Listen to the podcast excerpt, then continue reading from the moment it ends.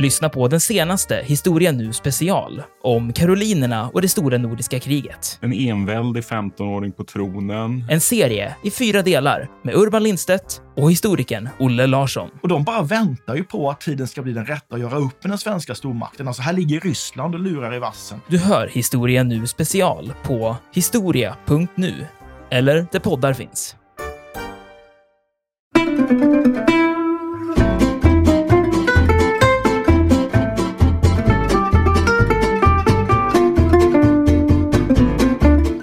Och den här städtantens inte alldeles ofarliga uppdrag går ut på att tömma papperskorgarna på den tyska ambassaden och därpå leverera innehållet till sin kontaktperson vid då underrättelsetjänsten, den andra byrån.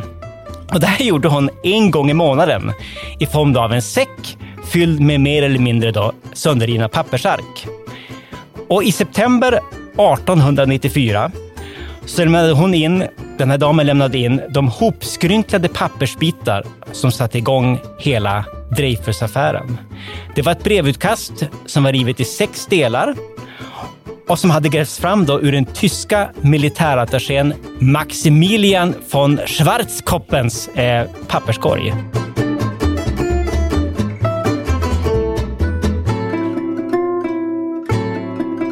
Podden En oväntad historia utgår från en liten händelse för att med glimten i ögat berätta den stora historien. Programledare är historikerna Olle Larsson och Andreas Marklund.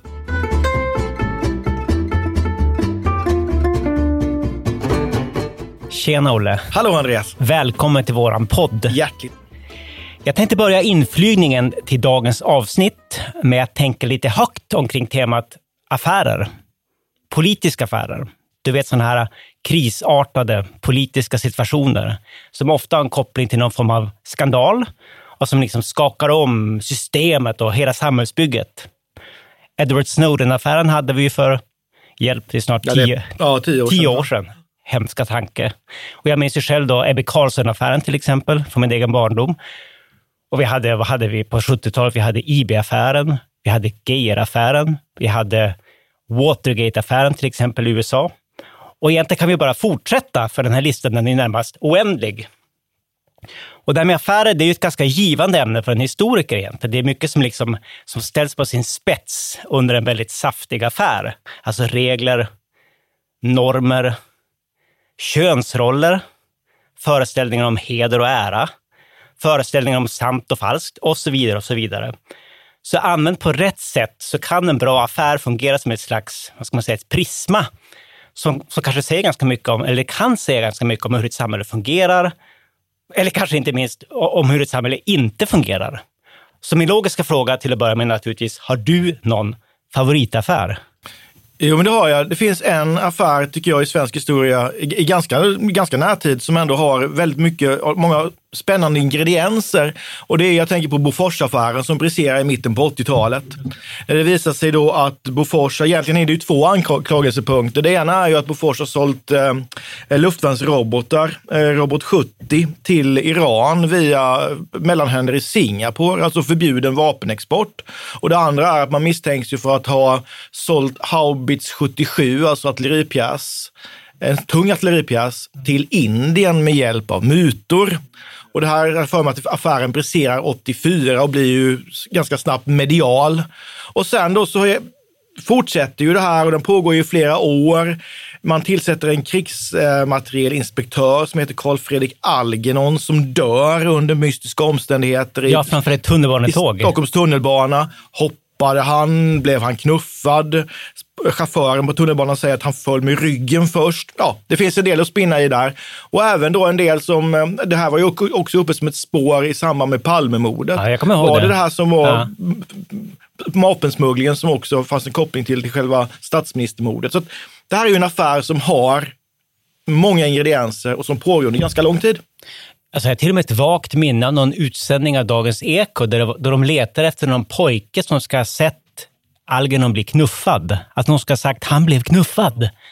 Jag kan ju ha drömt det, men, men det, det, jag tycks minnas att det pratades om det i alla fall, ganska mycket. Är det här något som du skriver om i din berömda bok om det dramatiska 80-talet? Ja, det finns lite affärer där. Det finns Boforsaffären, det finns eh, Fermenta-affären och det finns Iran-Contras-affären och Lennart Bodström-affären kopplat till ubåtarna. Så jo, det finns en del affärer på 80-talet att lyfta Det är fram. affärer all over the place. All over the place. De fanns också på 1890-talet och vi ska prata om den stora affären. Eh, 1890-talets stora affär som väl egentligen kanske var det sena 1800-talets och det tidigare 1900-talets största politiska affär och skandal, nämligen den så kallade Dreyfusaffären, eller l'affaire Dreyfus, som det egentligen heter då på franskt originalspråk. För det här är då en ganska fransk historia. Jag har tendens att ofta hamna där, har jag noterat, i fransk historia.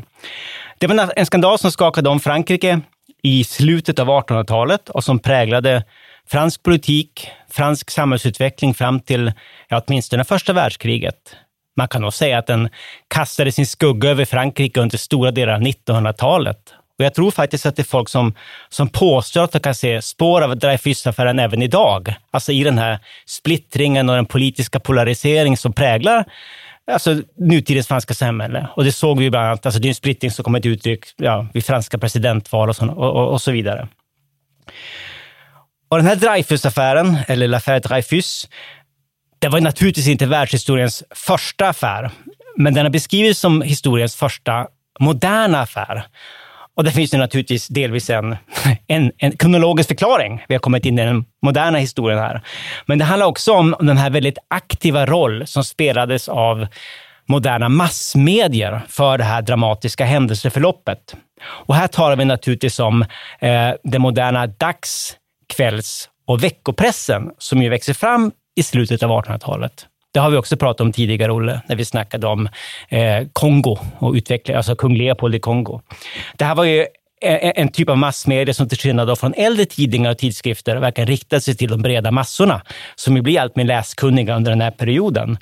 Och som har då redaktioner och, vad ska man säga, redaktionella värderingar som fokuserar, eller som ser på, vad ska man säga, se det kommersiella värdet i skandaler, societetsskandaler, politiska affärer, dramatiska historier som liksom avslöjar systemets svagheter och elitens galenskaper. Alltså det sålde lösnummer helt enkelt.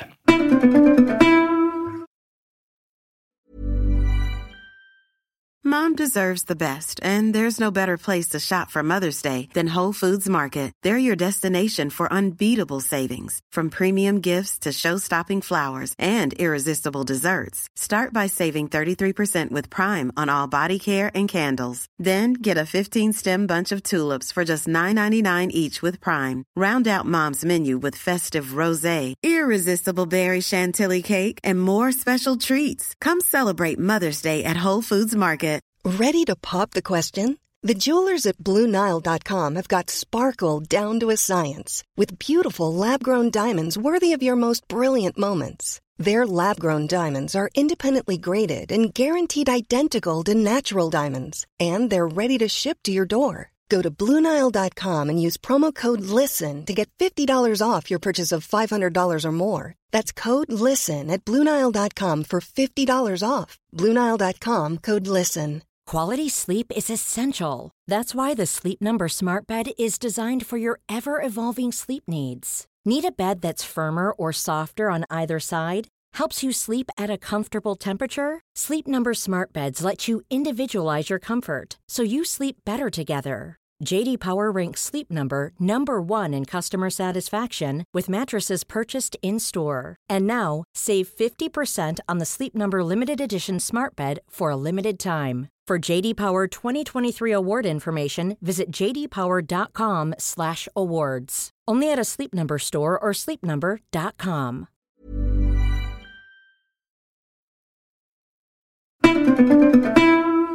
Men det är inte mediernas roll i Dreyfusaffären som vi ska prata om idag, Olle. Det känns som folk har gjort det förr. Istället ska vi, ska vi försöka gå till botten med det här spiondramat. Det underliggande spionmysterium som satte igång hela Dreyfusaffären och som bidrog till att den här ganska inflammerade historien hela tiden utvecklade sig i nya, ofta väldigt oväntade riktningar. Men här krävs inte en brasklapp eftersom det här är en ytterligt komplicerad affär och vi har ungefär 30 minuter att spela med som vanligt. Men, och, och, och det här är en affär som har massor av aktörer, och massor av förvecklingar och massor av namn inte minst. Det gör att vi kommer att koncentrera oss på själva det tekniska bevismaterialet, tänkte jag. På två specifika delar faktiskt. På två komprometterande historiska dokument som på olika sätt påverkade själva det historiska skeendet. Och vår röda tråd idag är hela tiden jakten på den tyska spionen. Varför trodde man först att det var den här Alfred Dreyfus som var spionen? Och vem var egentligen den verkliga spionen?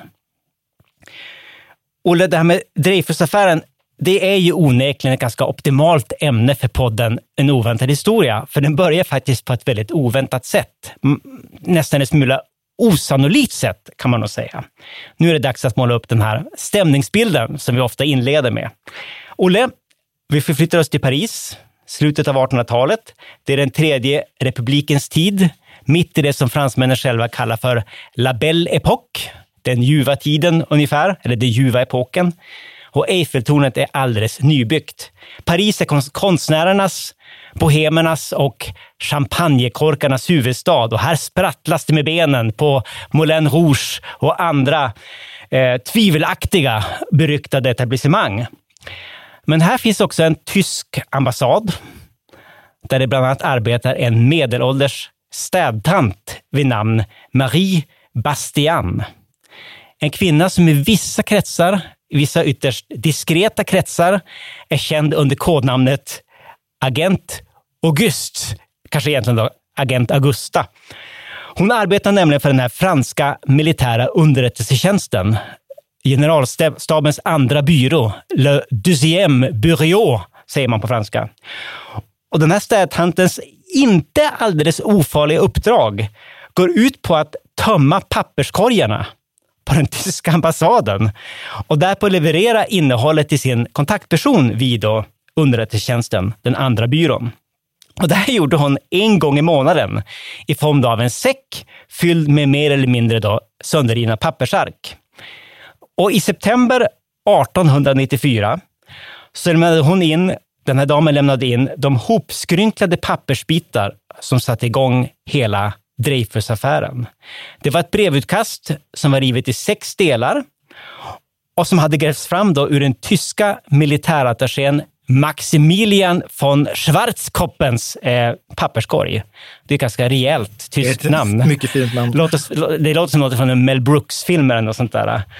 Von Schwarzenkopfen. ja, i alla fall.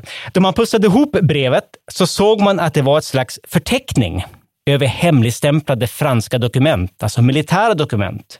Dokument som en anonym person helt enkelt erbjöd sig att sälja till tyskarnas militärattaché. Det var skrivet på franska och innehöll obehagliga meningar av typen jag erbjuder mig härmed att översända Monsieur några intressanta militära underrättelser. Och därpå listades det bland annat upp då en beskrivning av den hydrauliska rekyldämparen på 120 mm kanonen. Det hänvisades också till en eldgivningsmanual för fältartilleriet och den gode Schwarzkopfen frestades dess, dessutom med då franska invasionsplaner gällande öriket Madagaskar utanför då Afrikas östkust. Och personen som låg bakom den här handskrivna förteckningen var då som sagt anonym, men det var väldigt mycket som tydde på att det här var en officer, en fransk officer. Bland annat eftersom brevet slutade med orden nu ger jag mig iväg på manöver.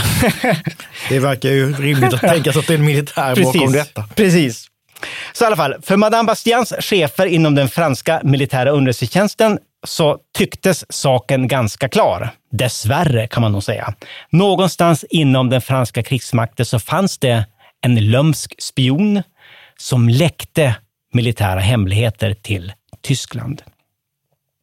Olle, det här, sönder, det här sönderrivna brevet, det var då själva, vad ska man säga, corpus delicti i spionmysteriet som, som senare utvecklades till, till Dreyfusaffären.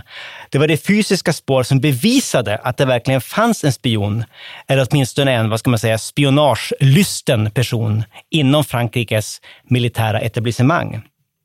Det här blir dessutom själva huvudbeviset sen i anklagelserna mot Alfred Dreyfus.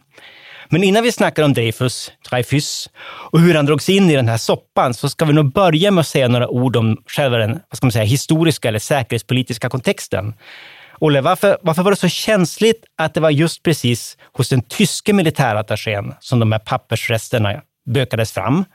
Och i förlängning av detta, varför i helskotta betalade den franska generalstaben en, en städkvinna, en städtant, för att böka i tyska papperskorgar? Ja, kontexten är intressant. Det här är ju, vi befinner oss ju nu under, i en period i europeisk historia som vi kallar för den väpnade freden. Alltså eh, från och med 1870 ungefär så börjar klimatet mellan de europeiska staterna försämras. Och en anledning till det, det är ju att det har dykt upp en ny stark enad stormakt i Europa, nämligen Tyskland. Och det tyska kejsarriket skapas just genom ett krig mellan Frankrike och Tysk och Preussen mellan åren 1870 och 1871. Och det här är ju ett svidande franskt nederlag, nästan på en förnedrande eh, kapitulation vid eh, den franska staden Sedan, där Napoleon III blir tillfångatagen. Senare i januari så utropar Tyskland, eh, Preussen det tyska kejsardömet i spegelsalen i Versailles. Eh, otroligt förnedrande detta också naturligtvis. Det är hjärtat av Frankrike, precis, det franska. dessutom tvingas ju fransmännen till, till, till avträdelse av gränsområden, alltså Elsass eh, Lorraine, eller mm. Elsass-Lottringen som tyskarna mm. skulle ha sagt. Alsace-Lorraine. Så när vi kommer in här nu på 1890-talet så finns det en rädsla för tyskarna, det finns en misstänksamhet mot tyskarna. Det finns det politiskt oroligt i Frankrike. Den tredje republiken grundas just som ett, som ett resultat av det fransk-tyska kriget 1870-71. Um, och här då så skapas en stark fransk revanschism. Man vill göra upp med tyskarna igen om tillfället gives. Man vill återerövra de förlorade gränsprovinserna. Och det är, det är väl liksom den här, det är väl där vi har liksom den, den politiska kontexten egentligen i vilken Dreyfus hamnar. En tysk skräck, ett behov av att få underrättelse om vad tyskarna har har för planer och därmed också placera en agent på den tyska ambassaden. Samtidigt naturligtvis är oerhört känsligt. Det får ju inte komma ut att man spionerar på tyskarna. Nej, precis, precis. Men vår vän Dreyfus, han har ju faktiskt en personlig koppling till allt det här. Alltså Alfred Dreyfus, han kommer ju faktiskt från de här erövrade eller annekterade områdena. Alltså han kommer från en liten stad, en håla mer eller mindre utanför eh, provinshuvudstaden Strasbourg, som ju plötsligt har blivit tyskt. Tillsammans med 10 000 andra så flyr han då som barn med sin familj till Paris och blir då fransk medborgare. Eh, och många av de här sågs faktiskt inte med blida ögon av det franska politiska etablissemanget. De betraktades som en aning suspekta, som en aning halvtyska. De pratade med en väldigt speciell accent som då i många parisares öron lät halvtysk. Eh, och jag vet att många av de här personerna fanns då på den andra byråns, alltså övervaknings, eller vad ska man säga, övervakningsenhetens, underrättelsetjänstens svarta listor. Alltså många av de här var utsatta för ganska ingående statlig övervakning under den här perioden. Och det här var en av flera omständigheter då, som ledde till att den lysande generalstabsofficeren Alfred Dreyfus, som kom från Frankrikes försvarshögskola med de finaste betyg eh, och hade då expertis, ganska omfattande teknisk expertis inom inte minst då artillerifrågor. Eh, han blev då utpekad som den lede spionen ganska snabbt efter att man hade hittat den här, eh, det här sönderrivna brevet. Vad fanns det fler för orsaker? Har du funderat på det? Ja, han är ju också jude och det finns ju en antisemitism i Frankrike som är ganska så, så stark får man säga. Omfattande på den här och perioden. just det att han har kunskaper om, om artilleriet, det är viktigt. Han har också förmåga att att röra sig rätt fritt inom olika delar på, inom, inom det franska försvarshögkvarteret. Ja. Eh, och sen spelar ju naturligtvis den här franska krigsministern eh, Auguste Mercier mm. en avgörande roll mm. i det här sammanhanget. Precis, han blev pressad till att eh, i ett ganska kritiskt läge, eh, innan krigsrätten överhuvudtaget har inletts mot Alfred Dreyfus. Alltså han blir haffad någon månad efter att man hade hittat det här brevet. Bland annat på grund av att han som sagt var expert på artillerifrågor. Han var judisk börd, vilket i vissa vissas ögon då var en försvårande omständighet, dessvärre. Eh, och det fanns också vissa vad ska man säga, grafologiska överensstämmelser mellan hans handstil och texten i brevet, enligt vissa experter. Det fanns också experter som hävdade motsatsen. Det är absolut inte han som har skrivit brevet. Men man ansåg att man hade tillräckligt eh, starkt underlag för att gripa honom i alla fall och fängsla honom. Eh, och medan han satt i det fängelset och väntade på att rättegången skulle gå igång, så, så sipprade det ut uppgifter i pressen om att eh, generalstaben hade gripit en person det kom också fram då i den antisemitiska pressen, som var rätt stark. Det fanns en tidning som hette då Det fria ordet, La Libre Parole, som gjorde en jättestor grej av det här med juden Dreyfus, förrädare. Det började skrivas mängder av du vet, artiklar om det här. Det började lukta skandal. Och då kände sig då själva krigsministern, som egentligen var en ganska liberal person, eh, som hade liberala värderingar, en stark anhängare av republiken, det var inte alla som var på den här tiden som hade makt. Många var ju så gamla monarkister och grejer. Eh, trodde på auktoritära eh, styrelseskick och så vidare. Som var inte krigsministern egentligen, men han, han kändes pressad helt enkelt. Och i en intervju med självaste Le Figaro så sa han då att eh, ni behöver inte oroa er. Vi har redan gripit den skyldige. Eh, ta det lugnt.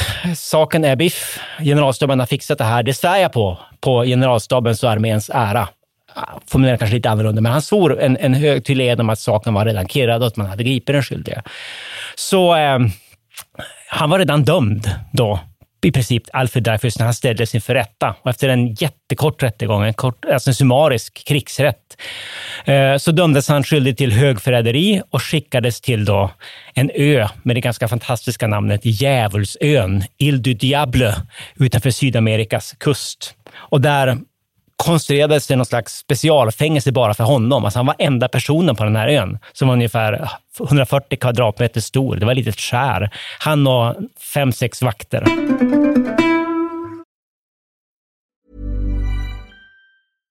Ready to pop the question? The jewelers at BlueNile.com have got sparkle down to a science with beautiful lab-grown diamonds worthy of your most brilliant moments. Their lab grown diamonds are independently graded and guaranteed identical to natural diamonds, and they're ready to ship to your door. Go to Bluenile.com and use promo code LISTEN to get $50 off your purchase of $500 or more. That's code LISTEN at Bluenile.com for $50 off. Bluenile.com code LISTEN.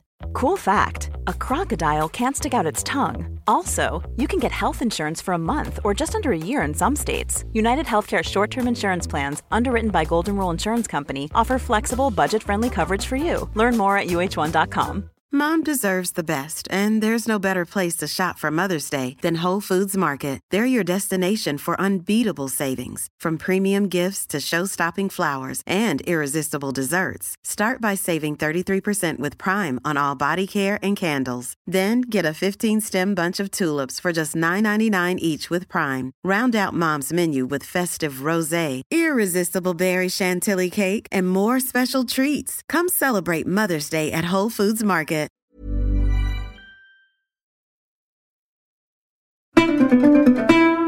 Och dit skickades han då för att glömmas bort och försvinna. Eh, det var som tanken med att skicka honom då till, till världens ände. Men familjen med hustrun då och Lucie Dreyfus hette hon i spetsen. De gav aldrig upp kampen för att få då Alfred Dreyfus frikänd. Det var helt bisarrt tänkte de. Det, han har inte haft någonting med det här att göra. Och det är inte hans handstil i det där brevet, det kan vem som helst se. Och snart fick då familjen, ganska snart, oväntad hjälp av en högt placerad aktör inom den franska underrättelsevärlden. Olle, vad hände här? Ja, 1895 så är det en man som heter Georges Bricard som blir chef för den här statistiska byrån som sysslar med kontraspionage och övervakning av inre säkerhet, alltså säkerhetshot, alltså den inre underrättelsetjänsten får man säga. Och han tycker naturligtvis att det här är mycket besvärande, eh, att man inte har släppt Dreyfus. Han ska ju liksom ruttna bort på den där klippan, den Djävulsön, som är ett... Det är ju de få ställen som är så förtjänt av namnet Djävulsö som verkligen denna, för det, det var det absolut.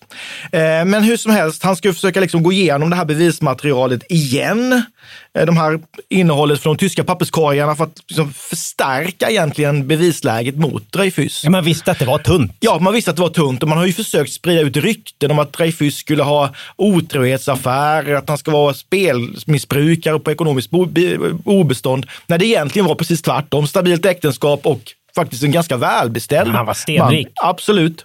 Eh, med lägenhet nära, på, på, nära Triumfbågen. Ja, ja. På Champs-Élysées i närheten. Ja, ja. Rue.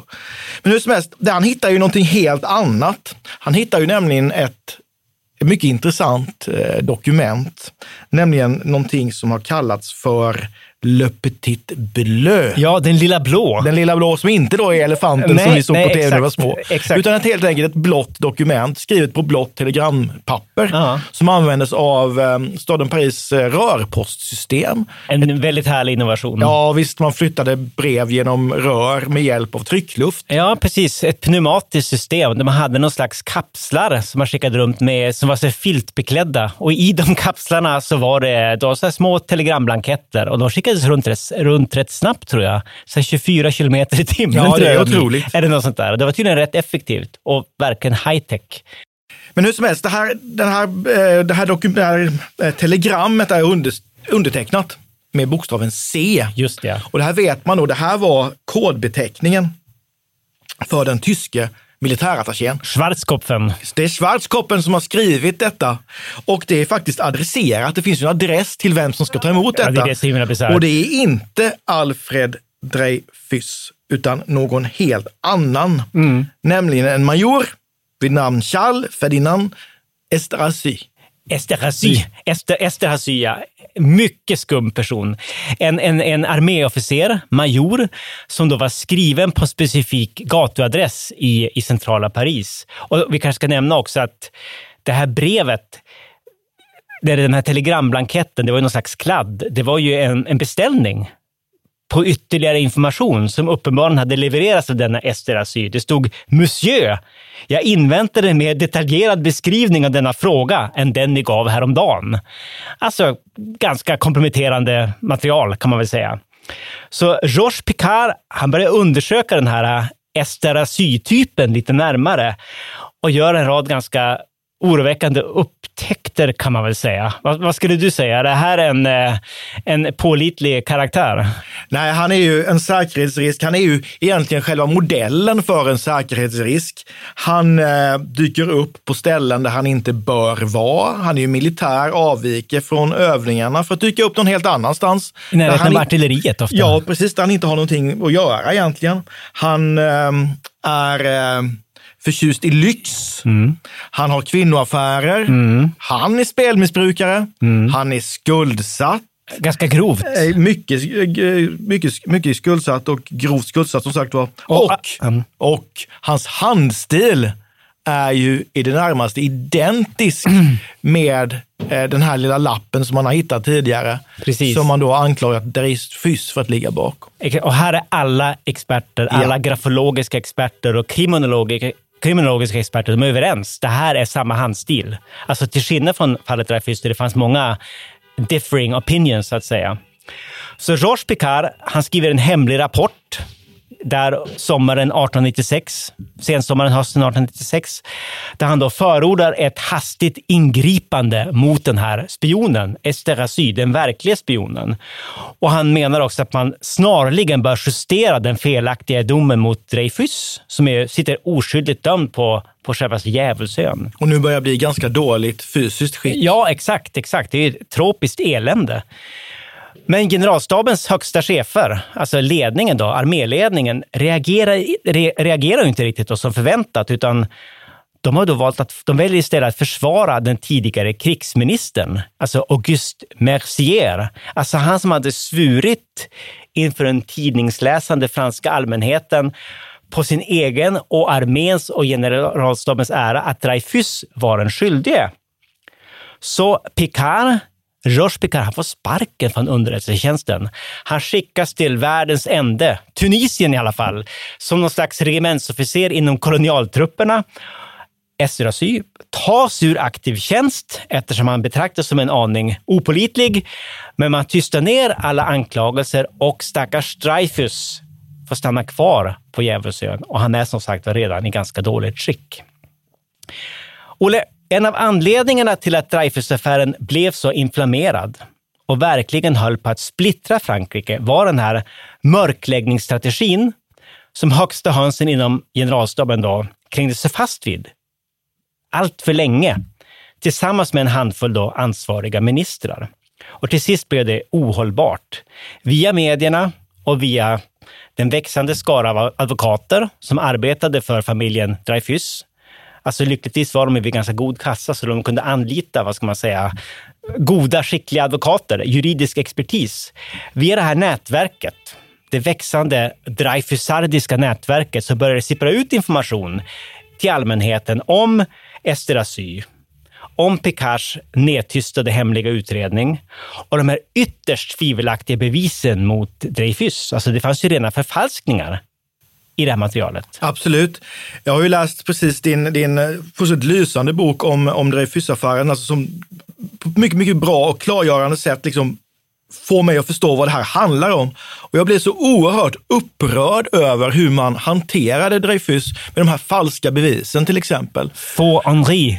Precis, Få Henri, en man, en överstelöjtnant vid namn Henri, som är liksom med, med allt för Frankrike bestämmer sig för att han ska stärka bevisläget mot Dreyfus genom att också ta lösa lappar från de här tyska papperskorgarna och foga samman dem eh, och dessutom lägga till små tillägg själv där han bland annat skriver in juden i texten. Mm, och Dreyfus, Dreyfus till, till och med ja. pekas ut med namn. Han nämns här Men så namn, börjar man ju titta ja. på det här, men vad är det här? Det är olika handstilar, det är olika papper det är olika, det är linjerat papper man skriver på, det är olika typer av linjer. Alltså de, de kommer inte från samma dokument Nej, precis. från början. Och det är både blått och lila. Blått som och lila och lite ljusblått. Ja, Alltså det är ja. förfärligt. Ja, ja. Och han erkänner ju sen också. Precis, och begår självmord faktiskt. Det var i alla fall i det här läget då som eh, Emile Zola, den inte helt okända författaren och journalisten, skriver den här artikeln Jag anklagar, alltså Jacques på franska. Det är alltså i januari 1898 som den kommer ut. Och där lägger han fram alla de här äh, bevisen, alla de här nya uppgifterna. Och det är den artikeln som gör att det här växer och blir så stort. Alltså att det här spionmysteriet och det här ganska uppenbara justitiemordet då blir en politisk skandal av internationella proportioner. Alltså det är där i januari 1898 så blir fallet Dreyfus, spionmysteriet Dreyfus blir affären Dreyfus, l'affaire Dreyfus. Och Frankrike splittras ju i, i två politiska läger, de här Dreyfusarerna och de så kallade anti-Dreyfusarerna. På ena sidan, de som var övertygade om att Dreyfus var oskyldig och därför skulle frikännas snarligen. Det var Dreyfusarerna. Och så anti-Dreyfusarerna som istället då framhävde vikten av att skydda arméns ära och generalstaben och av den anledningen ansåg att Dreyfus borde stanna kvar där han var. Alltså, man ville inte öppna Pandoras ask av eh, obehagliga uppgifter. Och här fanns det också bland många antidreyfusarer fanns också en antisemitisk udd. Alltså det var många tongivande antidreyfusarer som också var aktiva judehatare och som ju sa uttryckligen att det naturligtvis är Dreyfus en förrädare, för han var jude. Det ligger i judarnas natur. De är fäderneslandslösa. Att förråda eh, all, allt omkring sig.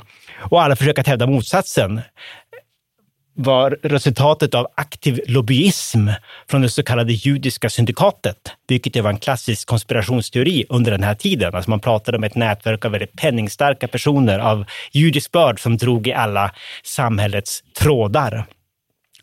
Men till sist så fick ju Alfred Dreyfus någon form av upprättelse. 1899 så kallades han hem, sliten, alldeles vithårig, hade närmast förlorat talförmågan, men han kallades hem till Frankrike för en andra rättegång.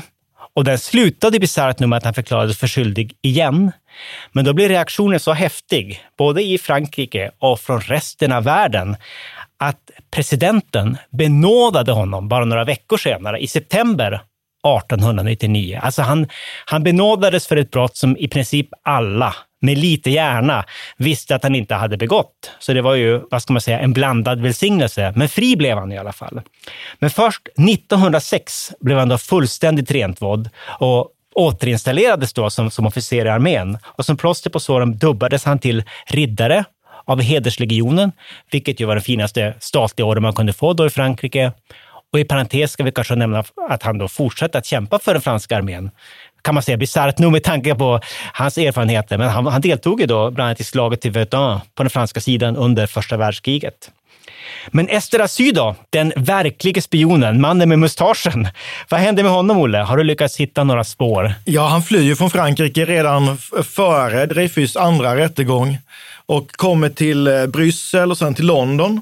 Och han är ju, tittar man på bilder på den här mannen, han har en oerhört imponerande mustasch.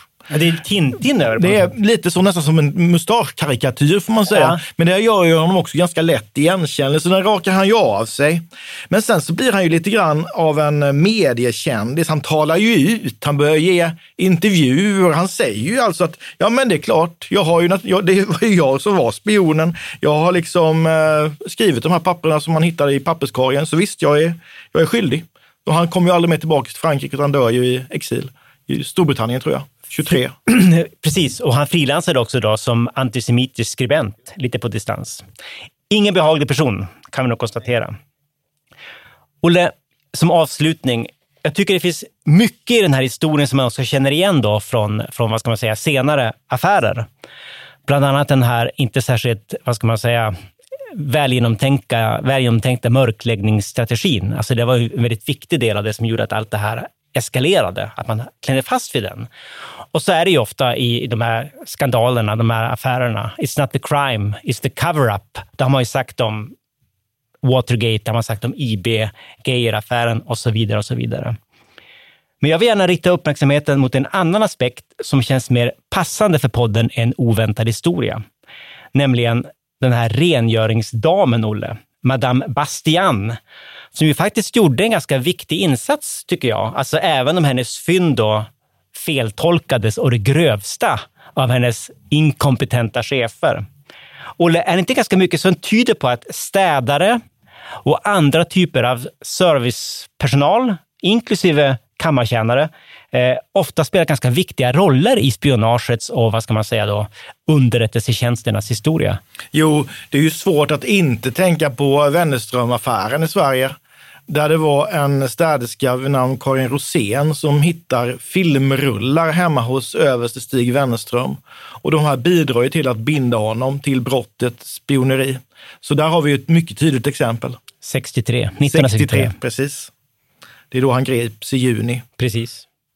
Sen har vi väl, det finns väl andra också. Eh, Vi har ju han här Eustache Dauger som vi har pratat om i tidigare episoder av den här det. podden. Mannen som eventuellt är mannen med järnmasken. Exakt, som, som kan ha varit då en, han var en kammarkännare i alla fall och det finns många indicier som tyder på att han, han spärrades in.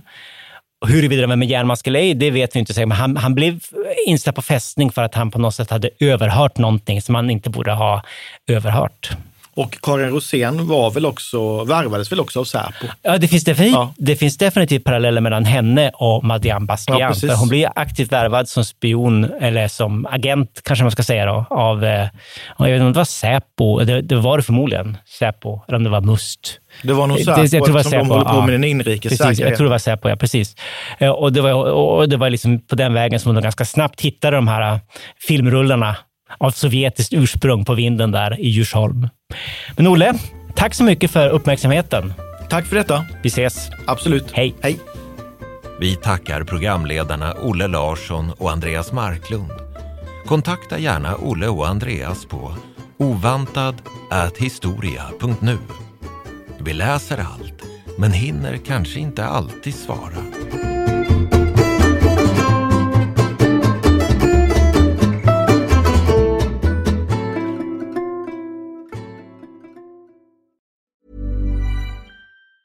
Planning for your next trip?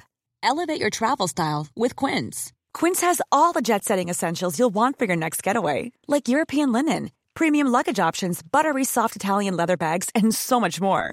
And is all priced at 50 to 80% less than similar brands. Plus, Quince only works with factories that use safe and ethical manufacturing practices.